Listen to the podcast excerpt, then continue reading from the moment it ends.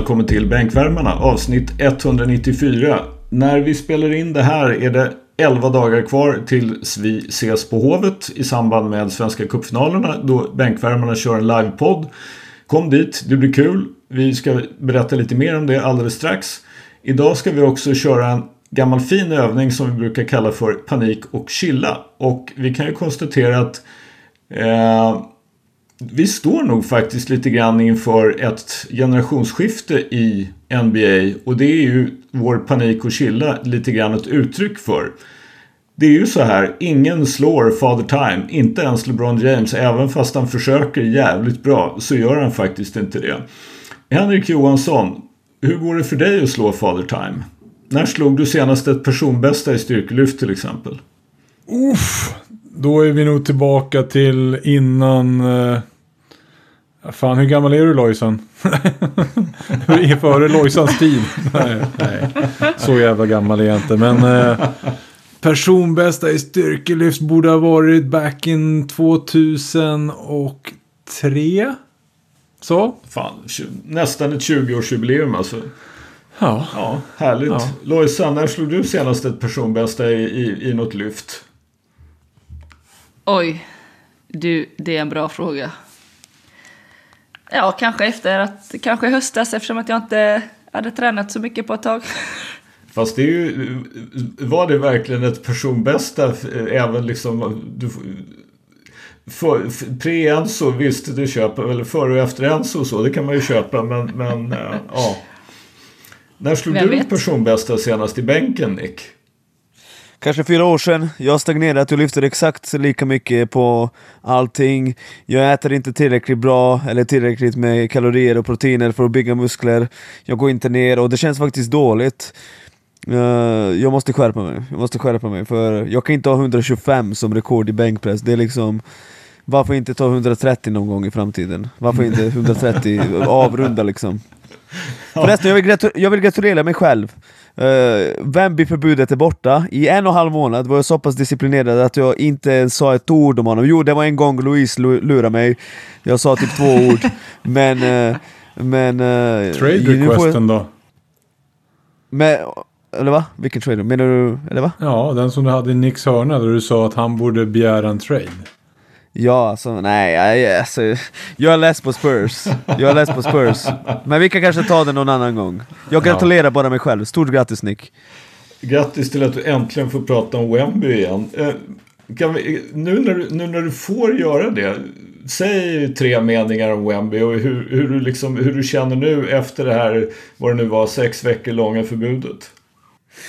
Han är bättre än advertised. Jag tycker att han utvecklas i precis det takten jag förväntade mig och jag tycker att både du och Johansson har fel när ni ser att han spelar svårt. Jag, jag är ledsen, jag har sett matcher, jag håller inte alls med. Inte alls. Jag kan, jag kan tycka att ni har rätt, att han kanske när han väl får bollen och ska göra poäng själv, att han kanske inte gör det alltid lättast för sig själv. Men när det gäller att göra allt annat, han spelar som en sjuåring som precis har börjat lira och vill imponera på sin coach och lyssnar på exakt varje instruktion. Det är så han spelar. Det finns inte många spelare i NBA som är, är bättre på att sätta screen, rulla, eh, klirra cleara ut, ta en cut. När han cuttar så lyfter han upp en arm, du vet precis som man lär sig på första träningen. Han är... Han spelar rätt. Han spelar rätt, så ni två är... Eh, ni cyklar jag, jag där. måste säga så här att det är en jävligt backhanded compliment att säga att någon spelar som en sjuåring. han, försöker göra, han försöker göra allting rätt, är min poäng. Inte att han spelar som en sjuåring, utan han, han vill göra allting enligt skolboken. Johansson, du har, sett, du har ju sett mer Wemby än vad Nick har gjort. Du, du, får chansen att replikera på det här. Dessutom så sa, det jag och Johansson sa, sa ju vi för typ sex veckor sedan, eller i alla fall fem. Nej men, och jag har sagt det, jag tycker han har blivit bättre. Alltså det är fortfarande lite för många... Nej, men jag tycker att han har blivit bättre. Jag tycker att han spelar mer kontrollerat nu. Jag tycker att han gör det lite enklare nu. Det är lite för... Det är lite någon pull-up 3 som jag kanske tycker att han skulle stå över. Men i grunden så tycker jag att, att det, och det syns på hans procent också, att det går framåt. Det som jag hade problem med förut, det var ju att det var alldeles för mycket för snabbt i början. Och jag tycker att han har tonat ner det. Så att Till viss Men- del håller jag med Nick. Men off ball, off ball, titta hur han spelar liksom. Låt oss säga att andra laget kontrar. Är han inte gasad så försöker jag verkligen komma tillbaka, ta position, mm, gå ut, eh, låtsas som att han ska gå och testa springa tillbaka. När han själv tar retur, letar han upp en PG och passar och sen springer själv eller försöker en dribbla. Alltså han är så, liksom, han slö, det är inte mycket slöseri med movements när han inte har boll. Fattar du vad jag menar? Han, är, han försöker göra saker och ting rätt. Fundamentally Och det- sound. Ja men faktiskt. Ja, alltså i grunden så, jag håller med. Och det, alltså jag tror ju att den största utvecklingen blir bara att han är ja, nyss fyllda 20. Han är jävus lång. Jag tror inte allting liksom... Det, det tar tid för någon som är lång att liksom komma, komma in i sin kropp ännu mer tror jag. Alltså du ser på hans straffkast att det finns en touch men straffkasten ser lite olika ut varenda gång. Det är samma sak med treorna. Det känns som att bara så här kommer han in i kroppen. Alltså, och det kommer ta kanske något år eller två eller tre år. Då kommer han vara hur dominant som helst. Det han gör defensivt redan nu.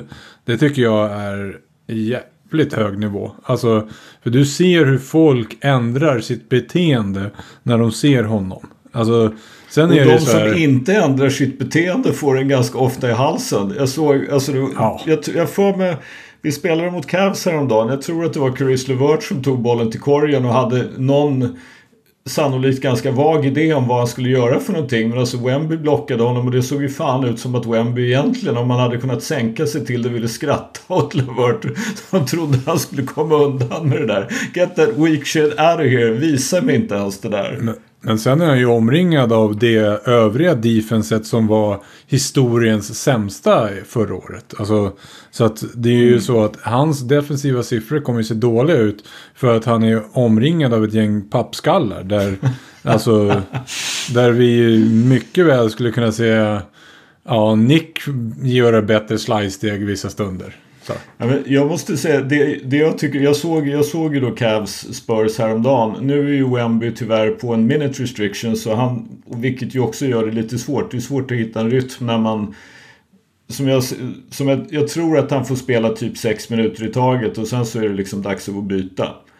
Eh, men då, är det ju, då tyckte jag också att han gör en massa bra saker hur han rör sig, både i försvar och anfall. Men att det faktiskt är så att hans lagkamrater inte är eh, alla gånger tillräckligt utvecklade för att förstå att de skulle kunna ge honom bollen.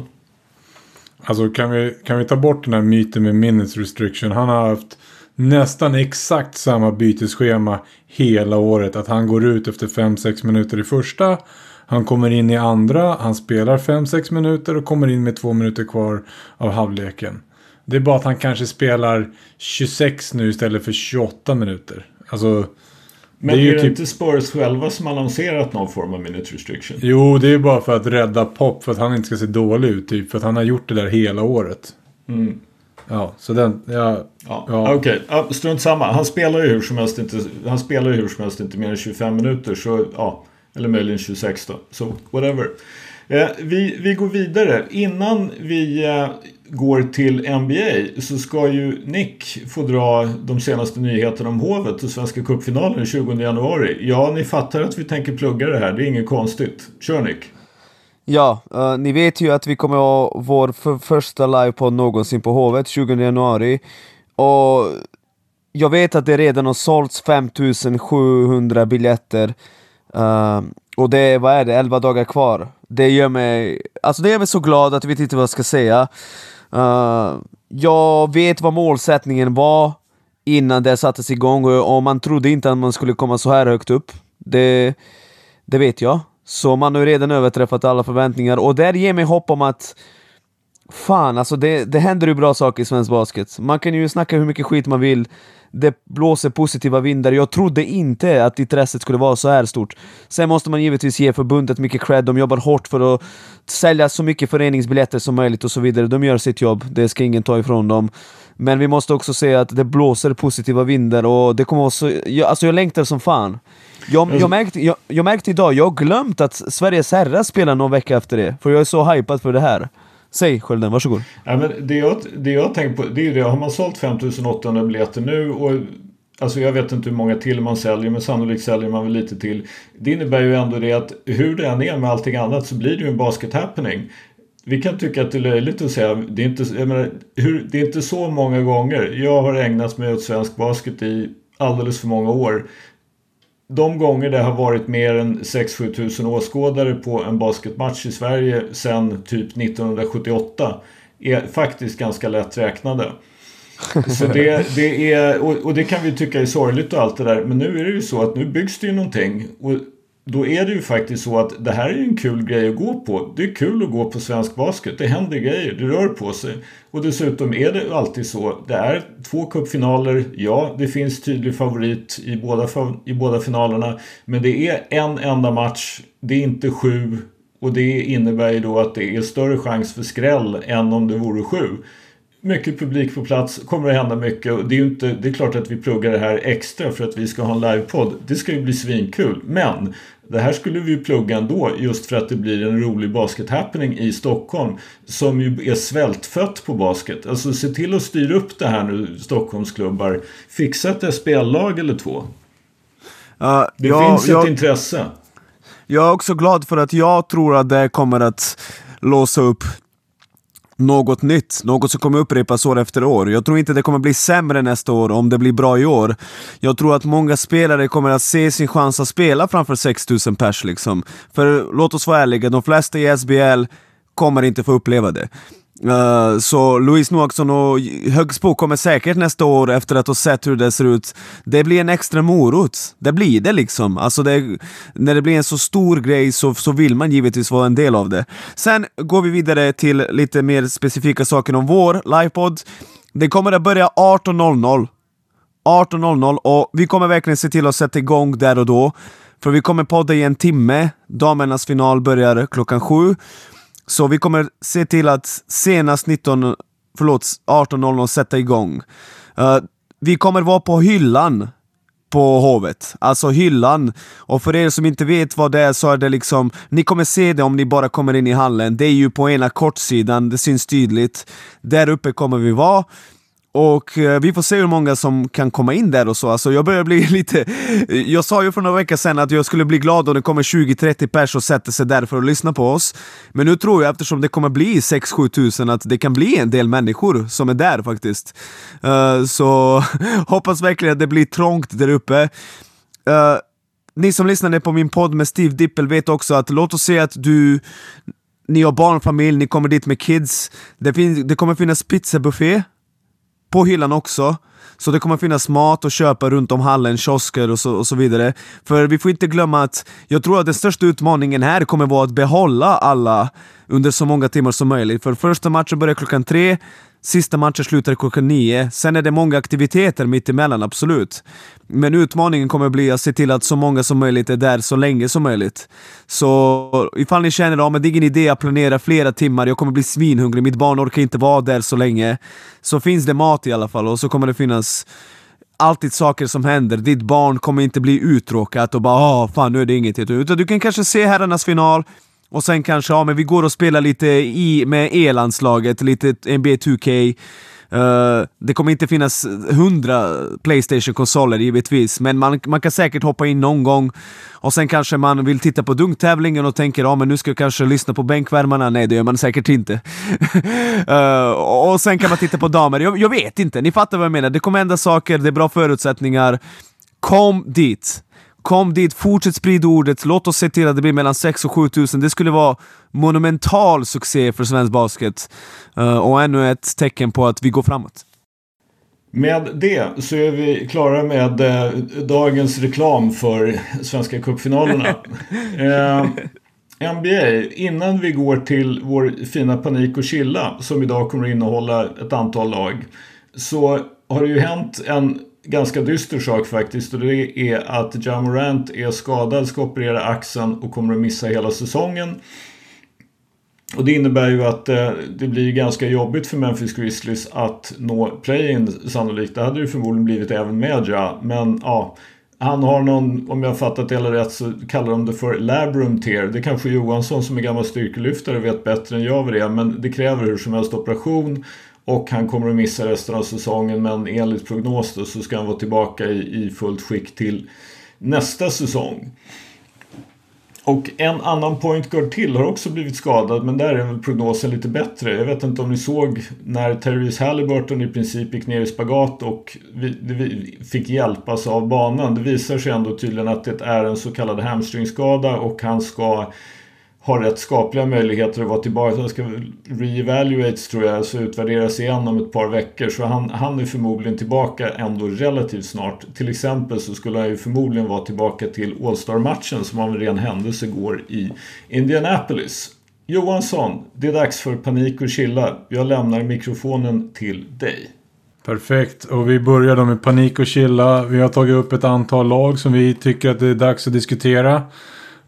för att involvera Lojsan då direkt. Så tänker jag så här, vi ska prata om Warriors. Och Warriors är alltså, de har ju haft Raymond avstängd, CP3 skadad, de har vunnit två av de senaste sju. Och på de, två, de sju som de har spelat de senaste sju så snittar Steph Curry 22 poäng på 37% från golvet och 31% från tre. Vad säger ni? Panik eller chilla? Vad säger Lojsan?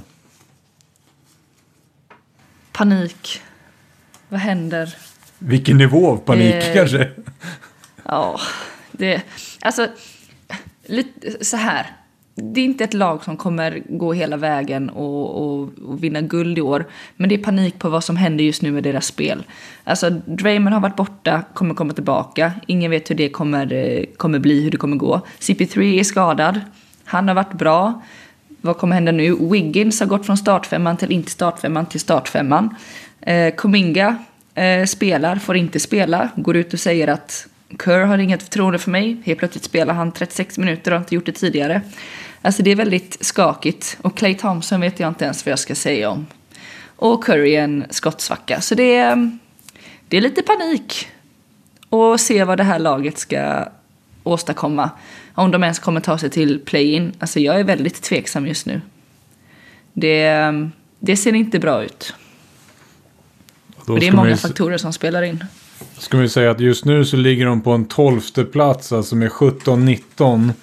Och är en halv match egentligen bakom Lakers som är på tionde plats. Så Nick, du som är vår eh, Golden State-vurmare. Golden Stater Hater. Vad, vad vill du säga? nu är det någon som har sänkt honom otroligt Nu är du mycket. Nej, jättelåg. du, du är otroligt låg Nick. Det är jag som har råkat komma... Vänta lite Nick. Det är jag som har råkat komma åt någon inställning här. Kör nu Nick. Muta honom direkt. Ja, han, Di- han, han, Diktator. han, han, råkade, råkade såklart. Ja, men annars hade, hade det varit så att jag inte råkat så hade jag mutat det totalt. Inte bara sänkt Ja. dig. Visst, visst. Om du inte skärper dig så mutar jag dig. Tänk på det. Ja, absolut. Eh, Så, är det. Vi har fått Golden State Warriors precis dit vi vill ha dem. Nej, vi vill inte ha dit dem. vi. Dit du. Ja, Det är precis. du. Gör det inte till någon talesperson för någon annan än Okej, okej, okej, alla som älskar NBA på allvar och förstår Nej, att deras dynasti har packat Nej. upp NBA Nej. för all framtid. Jo, Nej. du vet att det är sant. Jag vet, att att det är sant. ljug. Jag vet att det är Tänk- någonting som du tycker, men det är inte Tänk sant. dig om, om Magic Johnson gick till Chicago Bulls typ 1998 tillsammans med Larry Bird. Det hade bara sett fuckat ut, Sköldström. Nick, Hur som du, helst, du är nära att bli mutad nu hur som helst, vi har fått dem dit vi vill ha dem, för att så här är det. Jag vill inte att det här ska vara över. Alltså, låt oss säga att alla de skulle sluta lira Golden State, då skulle det inte vara kul att hata på dem.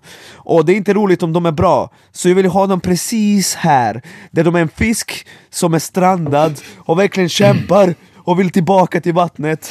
Men det går inte, och man håller på att dö men man lever ändå liksom, och man är så nära vattnet och tror att man är på väg att simma igen och bli titelutmanare. Men egentligen är man inte ens nära. Det är vackert, det är underbart, jag har bett för sådana här dagar, och jag tror att det här kommer fortsätta. Och vet ni vad? Clay Thompson kontraktgrejen, det kommer bli mycket skit kring det. Jag tror det kommer sluta i fiasko där han drar. Jag tror att de kommer tröttna på Draymond. Jag tror att de är väldigt nära på att blow it up. Även fast de inte skulle se det. Uh, så, nej, skulle någon kunna ge mig två säsonger av det här, vilken njutning. Det är bättre än att mitt favoritlag vinner titeln liksom, för ja, det, det är så jävla underbart och jag älskar att huset håller på att rasa, att liksom Kuminga trashar Steve Kerr och att...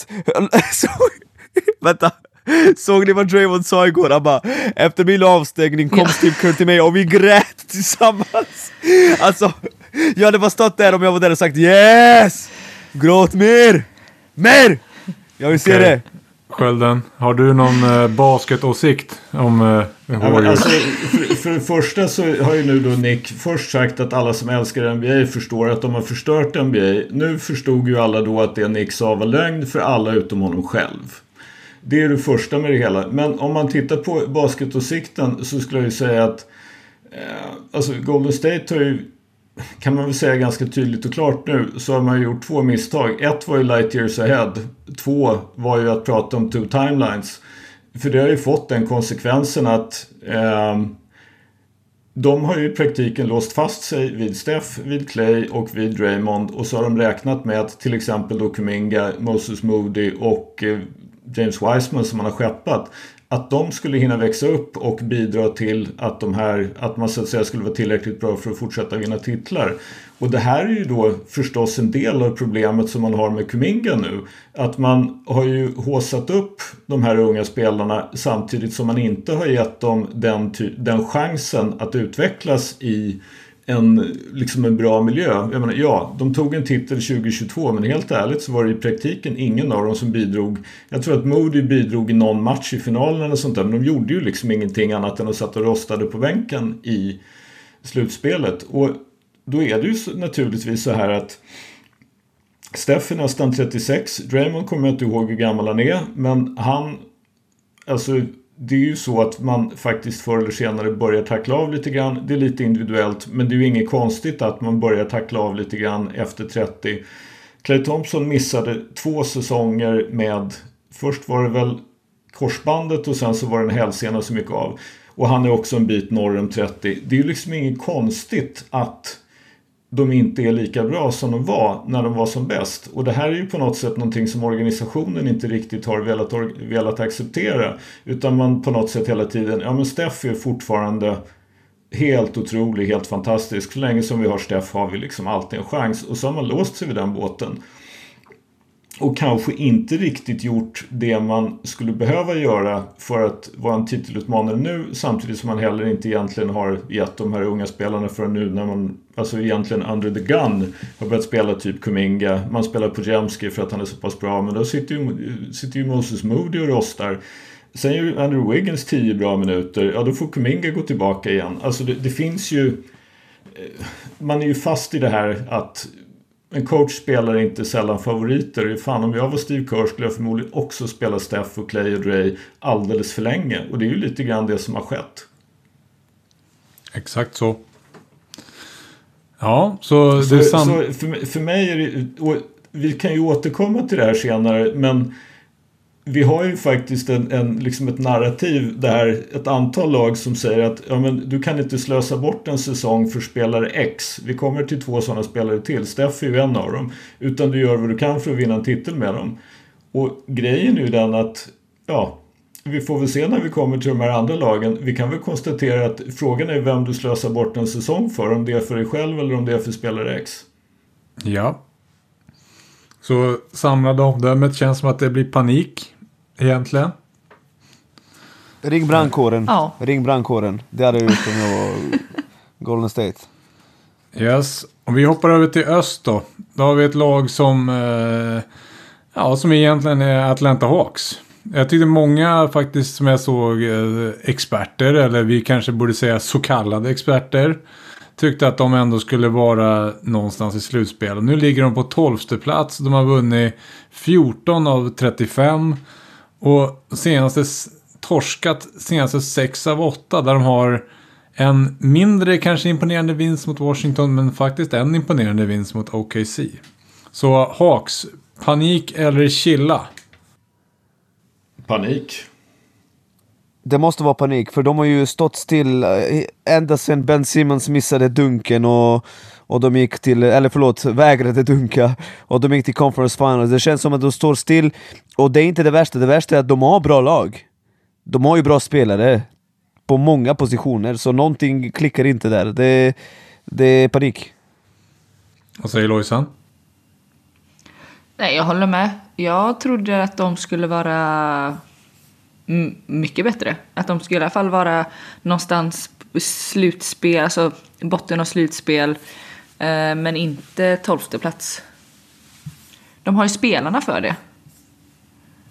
Får inte ihop det. Men det är ju många som, ja, jag var en av de som satt på det här med att Trey och Murray inte skulle fungera ihop. Nu ska jag säga att jag inte sett allt för mycket Hawks. Så att eh, jag kan inte riktigt säga mm, om det funkar eller inte funkar. Men, men eh, ja, de har underpresterat i år. Så samlade omdömet är. Alltså, Panik. Får, jag, får jag bara säga något om Hawks? Deras over-under inför säsongen på FanDuel som är ju en av de största bettingsajterna i, USA. Det vet ju alla ni som lyssnar på Basketpoddar om inte annat. Det är ju reklam för FanDuel hela tiden.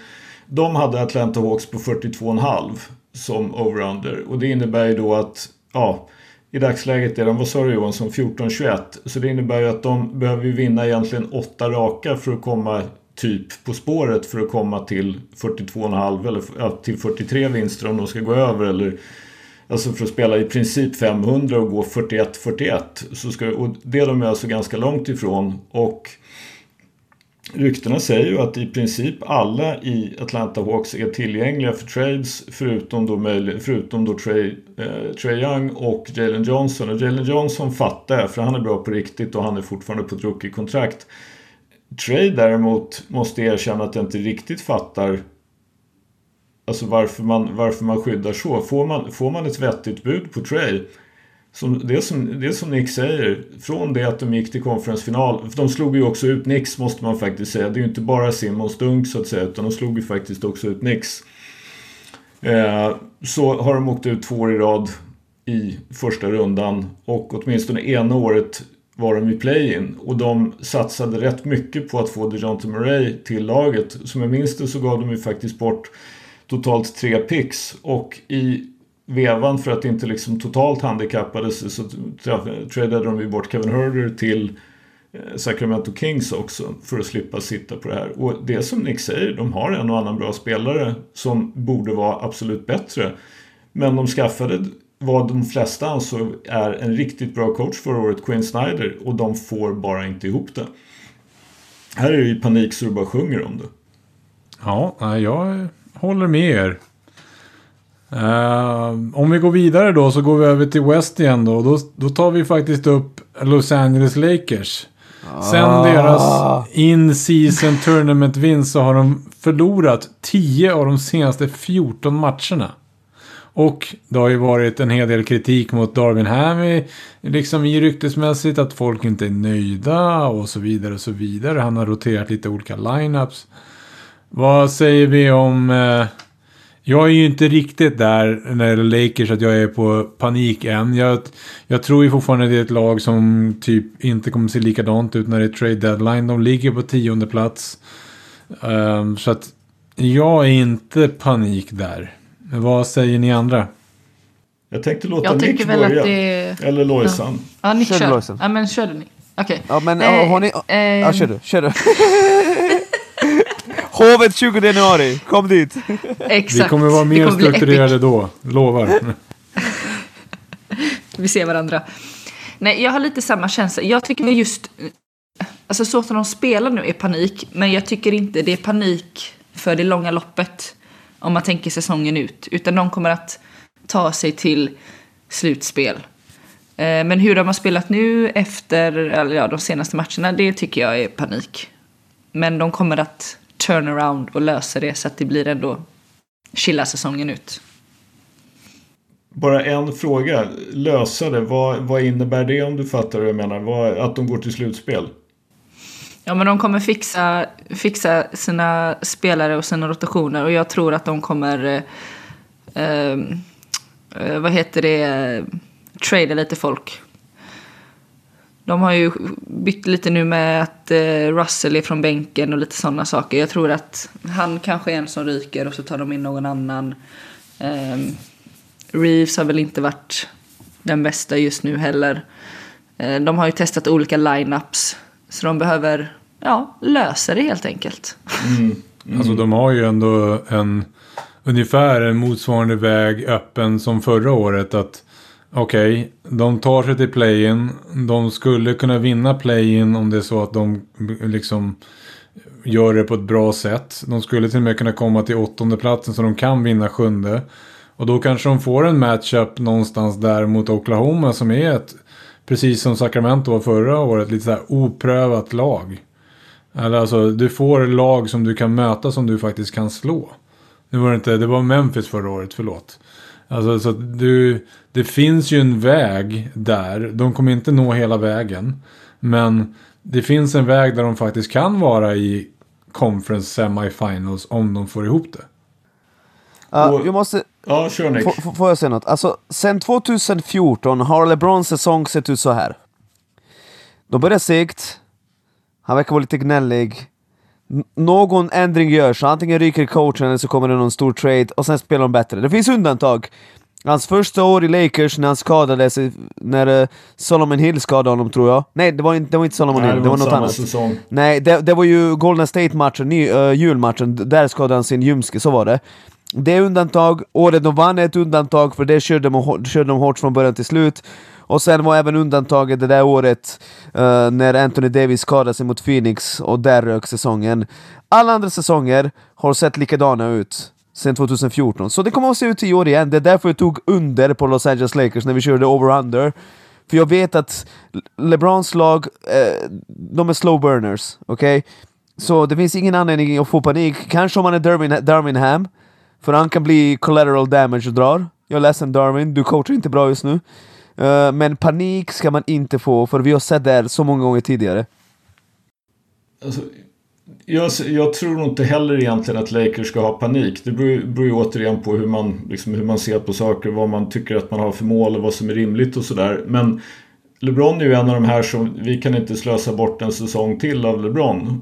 Så jag tror ju, jag är rätt övertygad om att de ett inte kommer att sparka Darwin Ham, två så kommer de att försöka göra en trade. Och det finns ju de som säger att ja, de behöver mer talang. Problemet är ju det att alla vill ju ha mer talang och då är ju frågan varför ska Lakers få mer talang genom att skicka iväg mindre talang? Om ni fattar vad jag menar. Det är ju det som är det är ju det som är den stora frågan och det är ju den de behöver lösa. För faktum är att LeBron och Anthony Davis, när de spelar tillsammans, då är Los Angeles Lakers plus 0,7 poäng per 100 possessions. Det här är lagets två bästa spelare. De har i princip inte missat några matcher. Jag tror att de tillsammans har missat fem. Den ena har missat tre och den andra har missat två. Båda två snittar 25 poäng. Anthony Davis har varit otroligt bra. Eh, LeBron har varit sanslöst bra, framförallt för att vara 39, men även liksom enligt vanliga NBA-mått mätt så har han ju varit bra. Och ändå så är Lakers inte bättre än det här. Alltså, det som du säger Nick, det här är ju liksom en, en ur det perspektivet en vanlig start på Los Angeles Lakers-säsong. Men LeBron är inte 30 eller 31 eller 32 nu. Han är 39 jag måste erkänna att alltså, hur många matcher kan LeBron eller Anthony Davis missa? Nu när de har grävt sig ett litet hål. Och de fortfarande går någonstans till slutspel. Det är, ju det, som är, det är det som är problemet. Och notera att tittar man, om du räknar in Austin Reeves i det här, så är de minus. Om LeBron, Anthony Davis och Austin Reeves, när de spelar tillsammans går Los Angeles Lakers minus. Det är vad folk säger deras tre bästa spelare. Så det är inte liksom, det är, de har ju klara och tydliga problem. De har ett värdelöst anfall och numera bara ett ganska okej försvar. Så det sammantagna är ändå chilla lite grann. Så. Panika lite ingen, grann. Hitta en trade. Ingen direkt oro men samtidigt så tror vi inte på stordåd. Ungefär så. Okej, okay. då går vi, vi stannar kvar i West. Och vi tar en av dem som många trodde kanske var en av favoriterna. Bland annat jag trodde att de skulle kunna gå ganska långt. Phoenix Suns, de har ju varit skadade en hel del. Ehm, men de ligger nu på åttonde plats, 19-18. De har vunnit fem av de senaste tio. De har torskat två i rad. Ehm, de åkte på ganska rejält med, med spö av Clippers i natt. Vad säger vi om Phoenix? Panik. Det, det dummaste du kan göra i den situationen är, är, att få panik. Du måste vänta ut där. Du har ny coach, helt nytt lag. Bradley Beal har varit skadad och sen när han har spelat så har han varit risig. Du kan inte dra dina slutsatser utifrån det här. Jag är ledsen, jag är ledsen. Du måste, du måste i alla fall ge det en säsong och sen utvärdera. Jag tror inte att någon trade skulle göra drastisk ändring för dem alls. Uh, så det ser ut som att de bör få panik, men jag säger chilla. Okej, okay, så har vi en panik, ja. en chilla och Lojsan? Nej, jag, jag lutar mer åt panik. Alltså absolut. Eh, som du sa Nick, man kan väl ge lite tid. Men jag menar, det är han är skadad hela tiden. Vad var meningen med trader? De skulle inte gå för det i år. Eller vadå? Så de skulle chilla i år och få ihop det och vinna nästa år? Vänta, ge det lite tid. De har inte spelat med full trupp ja. någonting i princip. Nej, okej. Okay. Så om de hade haft en full trupp så hade de varit contenders i år? Ja! Ja, alltså hade Bradley ja. Beal varit frisk från början så tror jag att de hade varit... Man fan, de började säsongen starkt, även utan Beal. Det är nu på slutet de börjar torska. Så jag är inte Suns skeptiker som alla andra. Men tror du, alltså det jag egentligen menar med att de har, borde ha panik. Jag ser inte, alltså de har ju inte så jättemycket att trada. De har ju liksom Durant, Booker, Beal och egentligen då Josef Nurkic. Det är ju de de har som har Alltså ett kontrakt som gör att du kan få någonting tillbaka överhuvudtaget. Så jag ser inte, jag menar mest egentligen att jag skulle ha panik om jag var ägare och såg att jag har tradat till med Kevin Durant och jag har tradat till med Bradley Beal. Bradley Beal har inte spelat över 60 matcher på 4 eller 5 år. Han inleder säsongen med att vara borta. Vad det nu är, 22 eller 23 eller 24 matcher. Han har spelat 13 tror jag. Och det har inte alltid sett så här fantastiskt bra ut. Kevin Durant är, fyller 36. Devin Booker har varit skadedrabbad. Så det är ju det som är det är liksom det som är problemet. De behöver ju förmodligen alla tre för att gå på en run. Och ganska lite tyder på att alla tre kommer att vara i spelbart skick. I de fem, liksom särskilt ofta under de 45-47 matcher som återstår. Det är det som är paniken. Sen då att det inte lönar sig att få någon panik. De har ingenting, inga resurser så att säga att agera i panik. Det är ju en helt annan sak. Alltså, jag skulle nog säga, inte kanske panik, men eh, alltså det jag ser som ett problem för dem är ju det att Grayson Allen är en av de som faktiskt varit bra hos dem. Um, och behöver de spela Grayson Allen tillsammans med Beal, tillsammans med Booker, tillsammans med Durant så tror jag att de blir för små för West. Alltså så.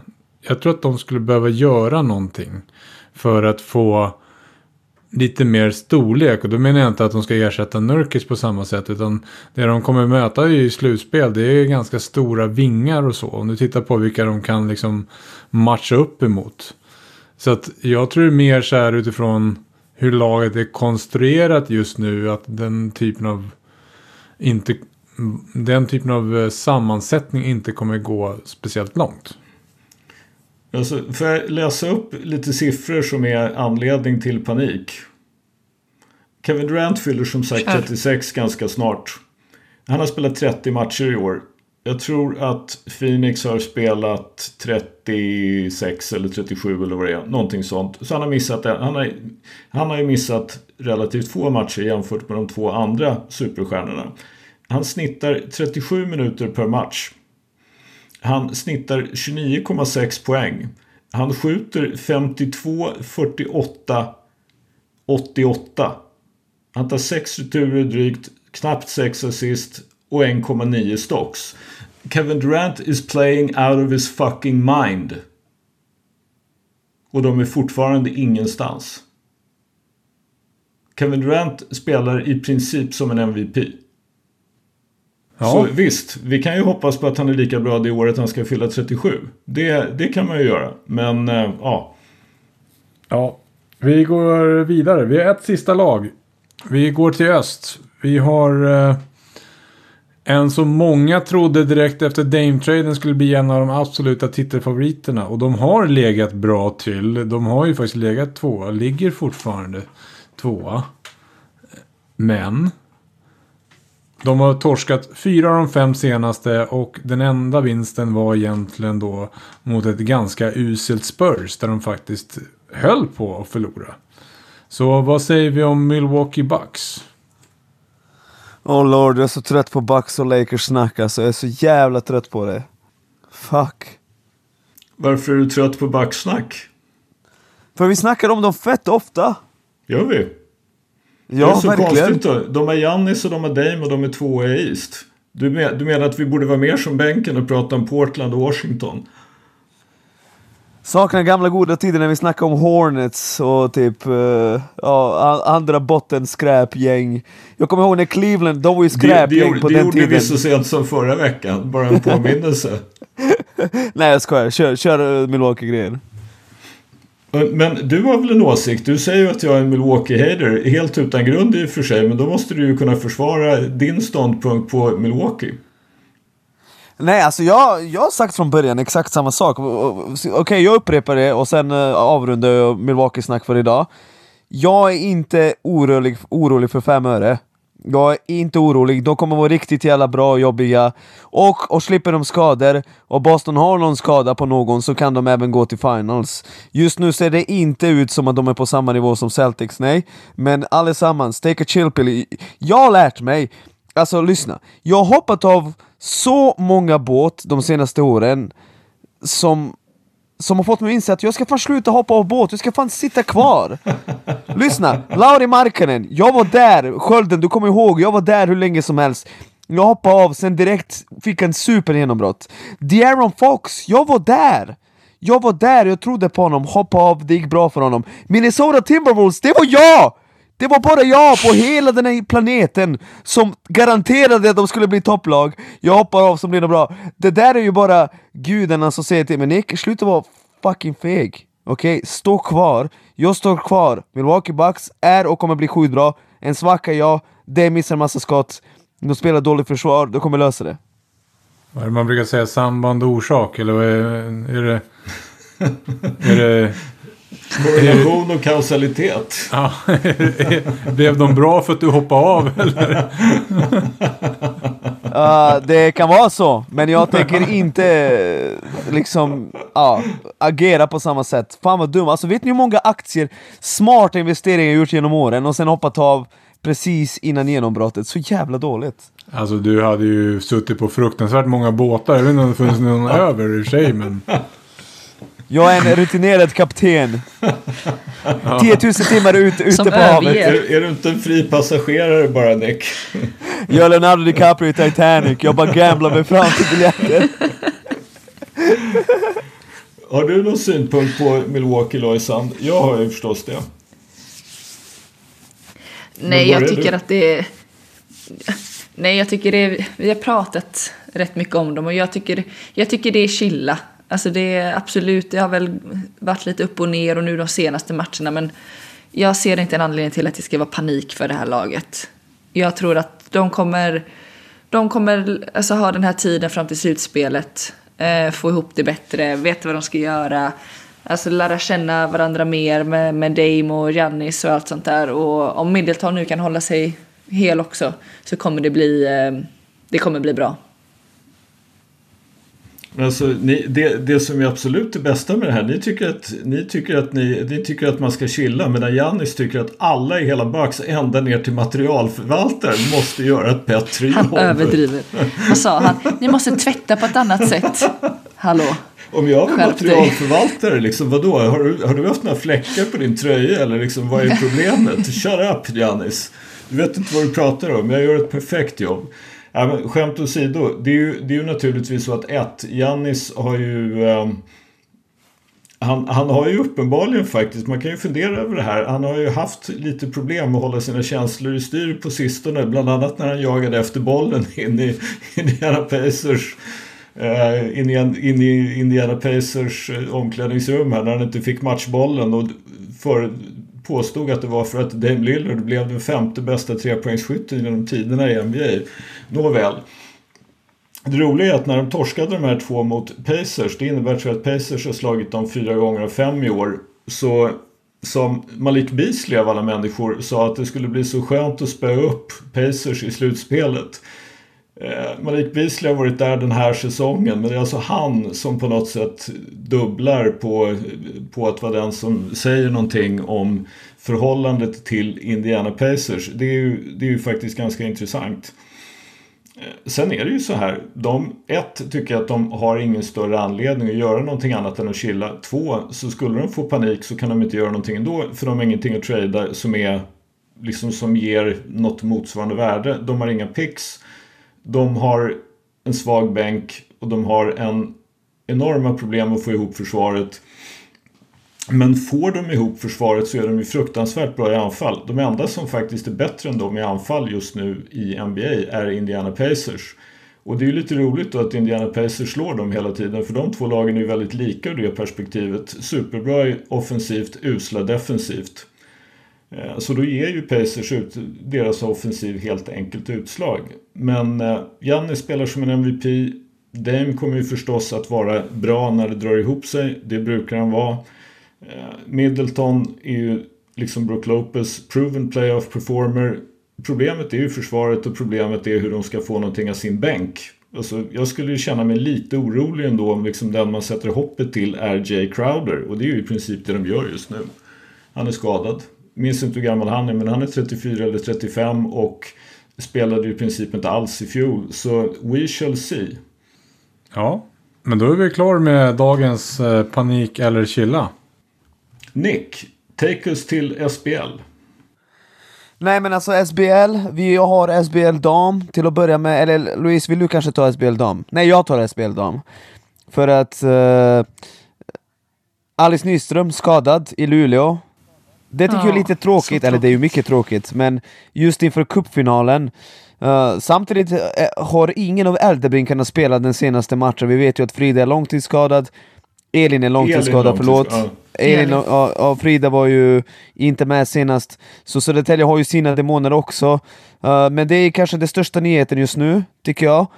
Uh, Norrköping slog Luleå nyligen, men återigen, ingen Robbie Ryan, ingen import. Luleå spelade helt importfritt. Medan Kate Oliver spelar för Norrköping och det jag sa i början av säsongen att det blir Norrköping mot uh, Södertälje i finalen. Just nu ser det ut som någonting som är väldigt möjligt. Uh, jag har svårt att se att Luleå kan försvara sitt guld med tanke på hur det har sett ut. Och det ryktas som att Marko Sjuärad Sjuhärad kommer slås ihop, något många har velat se i många år. Egentligen förstår man inte varför det fanns två lag i SBL dam inom 35 kilometer liksom. Uh, så, uh, så där finns också lite rykten och uh, Louise, vad har du att säga om SBL dam? Nej, det som jag tycker är konstigt just Luleå.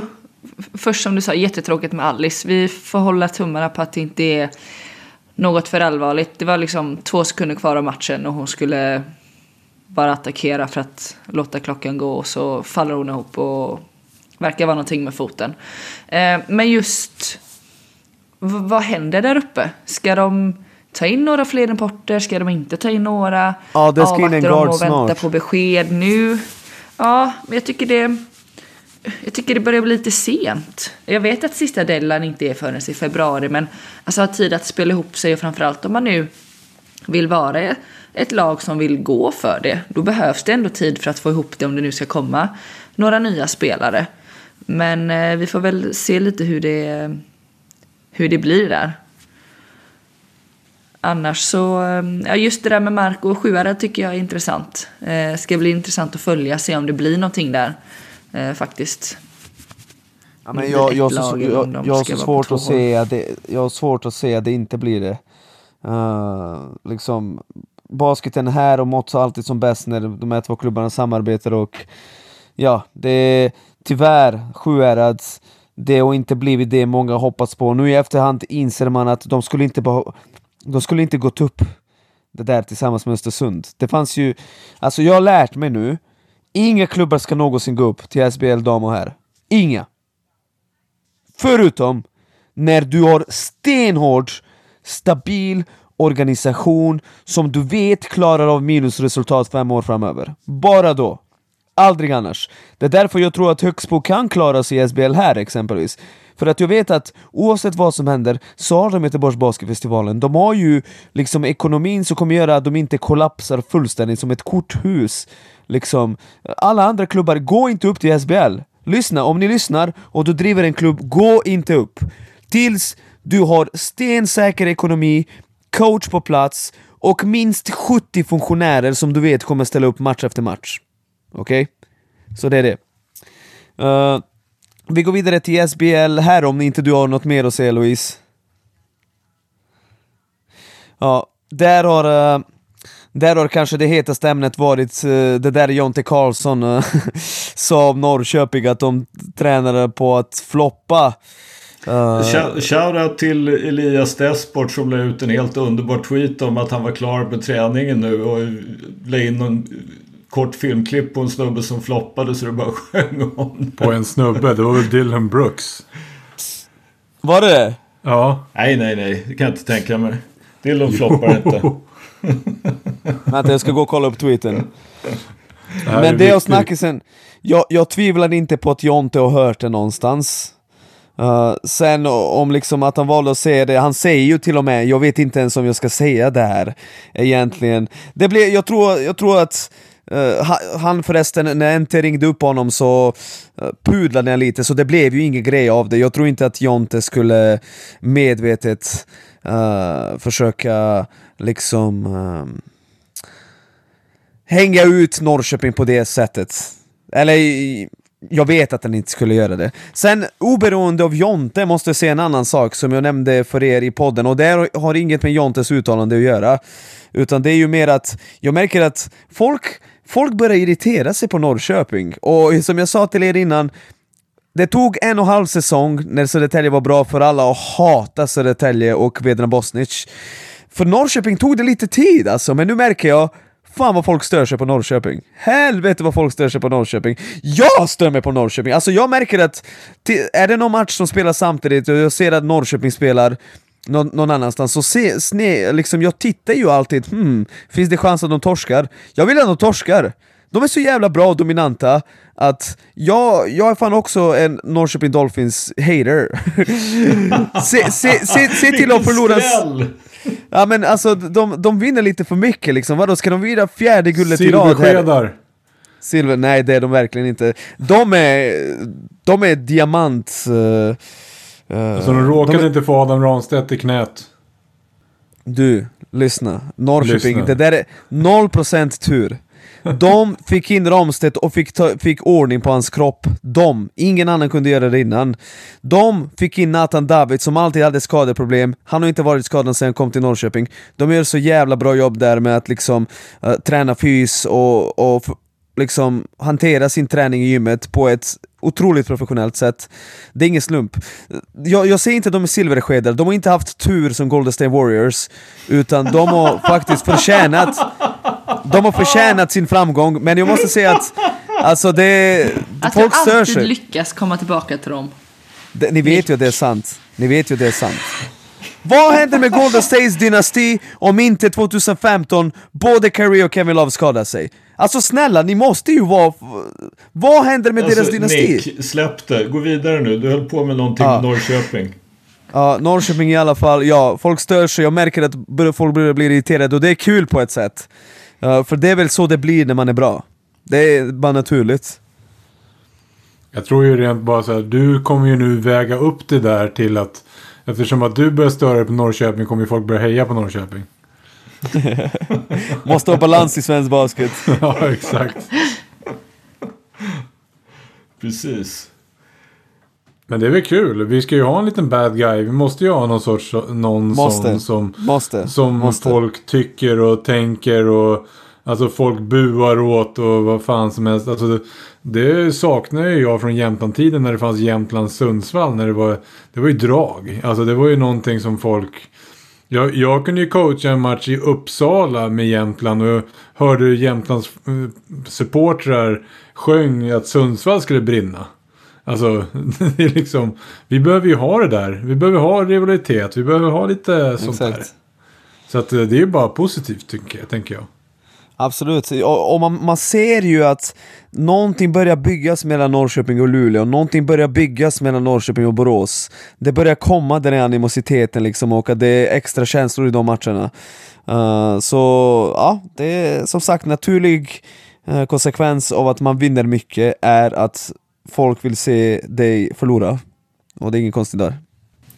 Nej, det, det, är väl som sagt det är inte speciellt konstigt. Alltså, jag skulle tro att det här är sig likt i hela världen och i princip i alla ligor. Att, alltså är, det, är det inte ditt lag som är dynastin så är det klart att folk börjar reta sig på att ett och samma lag vinner guld oavbrutet. Det, det skulle jag säga ligger lite grann i sakens natur. Och det tror jag Norrköping är ganska obekymrade om vad folk tycker. Att de blir irriterade på att bli beskyllda för att träna på att floppa, det, det är en helt annan sak. Är vi därmed framme vid hot takes, eller? Det kan vi vara.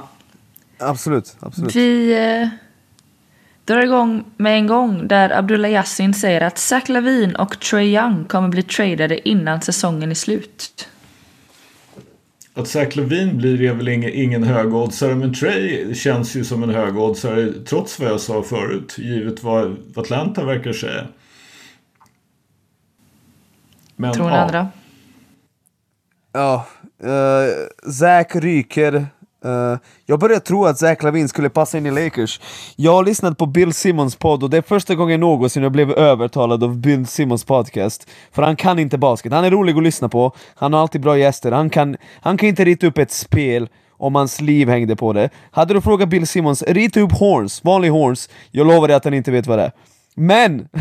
han hade en bra poäng om att Zach Lavin, alltså du vet, med LeBron varför inte alltså? Varför inte? Jag, jag, jag ser det inte som uh, en otroligt dålig fit. Uh, framförallt inte offensivt, i försvaret, ja lite sådär. Men det finns ändå folk som kan spela försvar som kanske kan täcka upp på eh, för stackars Zacke. Alltså, jag vet ju så här att Chicago, om de får någonting som de tycker är något sånär vettigt för Zach Lavin så tror jag, är jag 99% säker på att de absolut är beredda att ge upp på honom. Sen är frågan liksom bara vad, vad de är beredda att acceptera. Alltså Adrian Wojnarowski, den så kallade Wojbomb, lär ju ha sagt att eh, landskapet är barren, alltså det vill säga helt ofruktbart. Det händer ingenting, det växer ingenting, det finns typ inget vatten på tradefronten för Zach Lavin. Det vill säga att ingen, ingen är egentligen beredd att ge ett erbjudande. Och det hänger ju dels samman med hans kontrakt och sen hänger det ju också faktiskt förstås samman med att Chicago Bulls spelade mycket bättre de matcher han var borta. Nu är han tillbaka jag tror att de har vunnit en och förlorat en eller om det är vunnit en och förlorat två. Och någon av de här förlusterna var ju liksom inte, inte oväntad vare sig han spelade eller inte. Men ja, han, han har ju faktiskt aldrig visat i NBA att han är vad jag brukar tjata om är en winning player. Det är väl det som är, det är väl där, där, det kombinerat med att han har typ 160 miljoner på fyra år kvar på sitt kontrakt som gör att eh, landskapet inte är så fruktbart. Jag säger så här. Uh, Kevin Love innan han spelade med LeBron, notorisk förlorare, kom till Cleveland, vann. Kyrie Irving, samma sak. Chris Bosh, samma sak. Folk hittade ett sätt att börja vinna när de spelar med LeBron James. Anthony Davis, många trodde att han är liksom loser utöver det vanliga. Kom till Lakers, spelade med LeBron, vann titel. Jag, jag är med på det här Zach Lavin-projektet. Låt oss, låt oss trada till oss Zach Lavin. Jag, alltså, let's go. Let's go. Är du Lakers nu helt plötsligt? Jag, jag är LeBron, jag, jag är LeBron supporter, men sluta, jag är LeBron supporter. Är, är, är, det du som, det är, det du, är det du som är Addis in drag helt plötsligt? Hoppar mellan lagen nu när Addis har äntligen bestämt sig för att vara eh, Nick Slifer. Ah, ja. Addis och het på halva NBA, det är faktiskt helt galet. Ja men det har väl du med å andra sidan? Absolut inte. Det stämmer verkligen inte. Han har, haft, han har varit i en båt med hälften av... ja, det har Han har inte hejat på... Vi, vi har seglat, seglat över uh, Medelhavet några gånger med många klubbar, absolut. Det stämmer. Precis. Det borde vi göra inför fyraårsgrejen. Vi borde klippa ihop alla. Han säger att jag är i bla bla bla båten. Och så gör vi det bara till ett långt avsnitt. Det han säger. Får vi se om det är hälften eller mer. Säkla vildbåten, den är inte trygg. Alltså det är ju som Vasaskeppet, men jag är redo att uh, segla iväg ändå. Ja, det, det är stort Ja, det är Nick, kan jag tala om för dig. Det, nu är du inte feg i alla fall. Nej. Det kan jag meddela. Thank Nej, jag skulle använda några andra ord, för- men feg är inte ett av dem.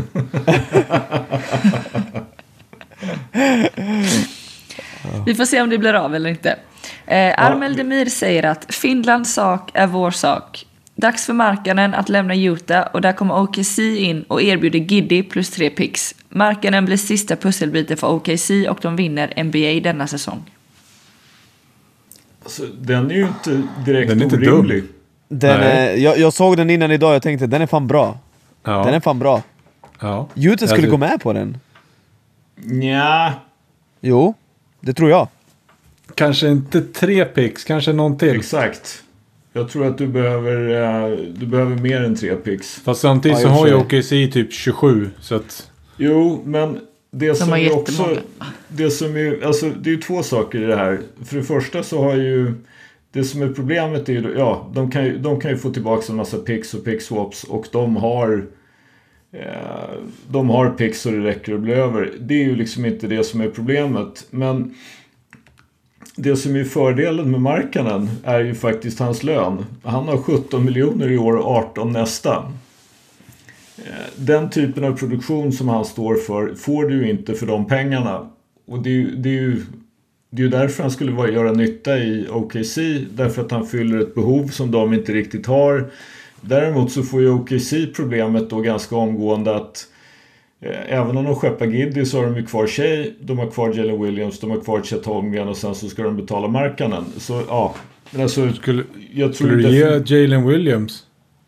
Nej, det tror jag faktiskt inte att jag skulle. Om, du, om vi slänger in en annan av Nicks båtar och Pokushevski.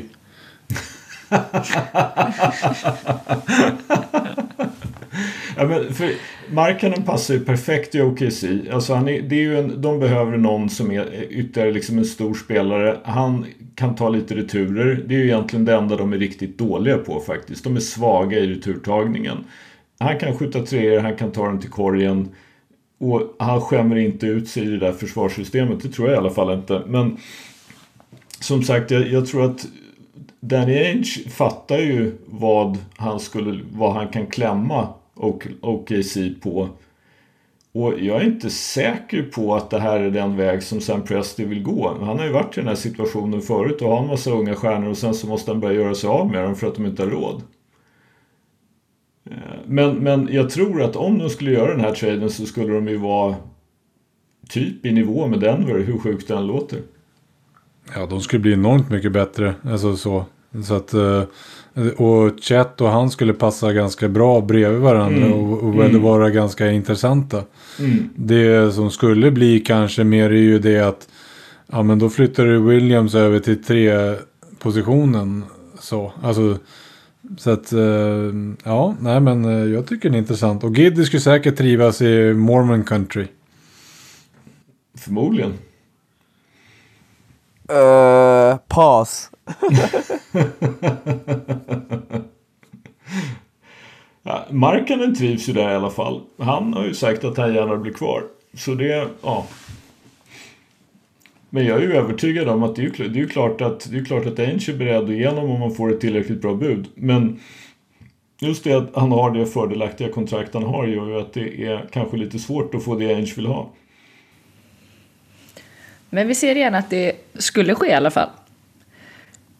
Vi har Tim Marklund som säger att Derek White och Bobby Portis är lätt de mest underskattade i ligan. Derek White kan köpa, men Bobby Portis, är han verkligen underskattad? Är inte han ganska properly rated? Liksom? Han känns väldigt pro- properly rated. Alltså jag ser inte hur han är underskattad. Han har fått sitt feta kontrakt dessutom. Eller ja, feta och feta, ni fattar vad jag menar. Alltså skulle du ha någon som är starting i något lag så skulle det laget nog inte vara bra. Alltså han har ju hittat sin perfekta roll på något sätt. Så att jag håller med. Men Derek White är... Jag, jag, har- jag har ju sett honom så mycket genom Spurs så att jag håller... Jag gillar Derek White. Jag kanske inte är JJ Reddick-kär i De- Derek White men jag är absolut ett fan. Han är väldigt bra. Mm. Nu, nu, du, En av två där i alla fall du har ju sett honom mer än jag Johansson, men är inte egentligen liksom, nu skjuter han ju över 40% från tre. Det var väl egentligen det enda som saknades för att han skulle vara en, en alltså in, han är ju inte en superstjärna, han är ju inte topp 5 i NBA, det är ju inte det. Men han är ju en perfekt, i och med det så är han ju faktiskt en spelare som kan spela med vem som helst, när som helst, var som helst, hur som helst. Om vi skojade om att Murray skulle kunna komma tillbaka så är det White jag skulle vilja ha tillbaka. Alltså han, han gav ju Spurs den ultimata teasen när han en, en första runda mot Denver. Gjorde typ 36 på Denver och höll på faktiskt chocka Denver. Eh, så, så att eh, jag kommer alltid ha en svag plats i hjärtat för Derek White. Mm. Mm. Brad Stevens, fantastisk GM. One of the greatest coaches ever, one of the best GMs ever. Sub, sub, uh, sub podda Addis, eller vad är det? exakt, exakt. Nu är Addis. Addis är inte här. jävligt fet trade, trade var det dock. Jävligt Ja. fet trade.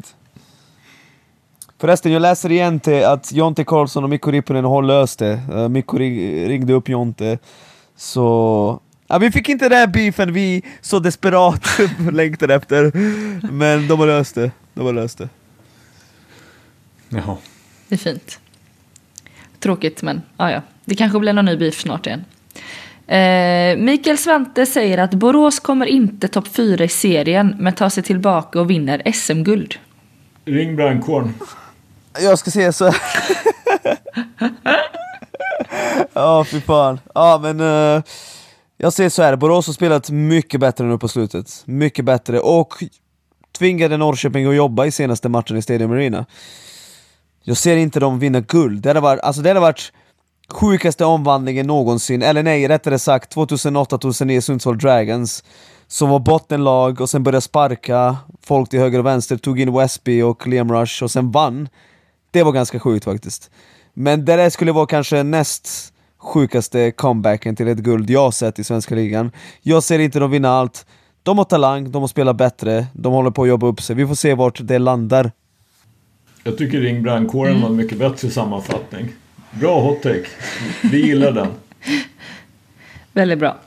Eh, Bänkad kanin säger att ett lag från LA spelar final i år och en veteran superstar fäller avgörandet. Ja, det köper jag. Alltså jag köper att Clippers kan spela final. Inte helt otänkbart. Alltså det... Nej, de har ju gått bra nu. Alltså Clippers ser riktigt bra ut så. Jag eh, har varit på väg att dra det till hot take att de vinner hela skiten. Ooh. Alltså, Jag, jag, jag har sagt det, jag säger det igen. Du kan inte vinna med James Harden. Han har visat det många gånger om. I år kanske är året han motbevisar dig. Alltså just nu så är det ju det att Kawhi är ju gamla Kawhi. Alltså Kawhi är ju fantastisk just nu. Så att jag, eh, och som jag har sagt någon gång, jag tycker Westbrook har köpt en roll som jag tycker ändå är ganska imponerande att se. Så att eh, de är breda, de är djupa, de är jävligt bra. Så att eh, ja. Jag har nog där uppe bland favoriterna till att vinna hela skiten. Alltså efter de här, jag kommer inte ihåg hur många matcher det tog. Det var ju fyra eller fem matcher eller något sånt där i början när Harden kom till Clippers som de såg helt bedrövliga ut. Men sen dess har de ju faktiskt varit väldigt, väldigt bra. Eh, och, och det ser man ju liksom just det här hur de Alltså när de får ihop det, hur de exploderade i, ja det var väl i natt, så när de exploderade mot Suns så i princip bara alltså förintar Suns mer eller mindre. Går bara, allting bara går i. Suns kan inte göra någonting och de torskar med 27 fast de är med i matchen långt in, eller liksom i alla fall en bit in i fjärde. Så är de bara helt utsuddade. De är bra. Yes. Vi avslutar med offentlig kaktus som säger att Sköldström är bänkens LeBron James. LeSköldens långvarighet i gamet sträcker sig från Will till Wemby. Det sägs att han aldrig ens vistats i en tvättstuga. Den gode skölden är en naturlig fördelare av ordet, men reta upp björnen så ryter han ifrån. Hashtag Brooks Island, hashtag lyssna nu Nick. Offentlig kaktus. Härligt att höra. Fan, LeBron James, tvåa genom tiderna. That ain't bad. Jag köper det. Ja. Ja, men jag köper den. Jag håller med. Jag köper den. Du har hoppat över ett gäng, eh, ja, ja, jag köper den också, skölden är bäst alltså. Jag och skölden bråkar mycket men det är aldrig personligt. Jo, jo när han skällde ut mig för Jared Allen i third team all NBA, då var det personligt. Han skällde ut mig som fan. Ja, eh, jag skulle aldrig någonsin skälla ut dig för en basketåsikt, men ja, där, där var vi i alla fall. Uh, Faktum, men, eh, faktum är att det var ju kombon av att du först nekar Joel Embiid och Jokic i First Team All NBA för att båda är centrar. Sen skickar vi in Carl Anthony Towns och Jared Allen. Ja, som sagt, var det värt en utskällning? I don't know. Men hur som helst, Skölden är bäst, det vet ju alla. Uh, han är ledaren liksom. Vi skulle aldrig klara oss utan Addis Nimmerstam, för att han klipper ju och sådär. Han är ju MVP egentligen, så mycket tid att lägga ner. Men utan det skulle vi aldrig någonsin haft någon struktur och ordning på det här. Faktiskt. Vi hade inte klarat oss, så, klarat oss så här länge. Så, straight facts. Uh, du missade några snabba... Jag, jag svarar på dem snabbt Louise. Uh, mer fråga än hot take. Mer frågan, hot take. Bästa unga svenska centra, herr och dam. Tack för grymt jobb. Från Filsidor, Tilda Trygger på damsidan. S- jag säger Kenny Pohto, han kan spela som center.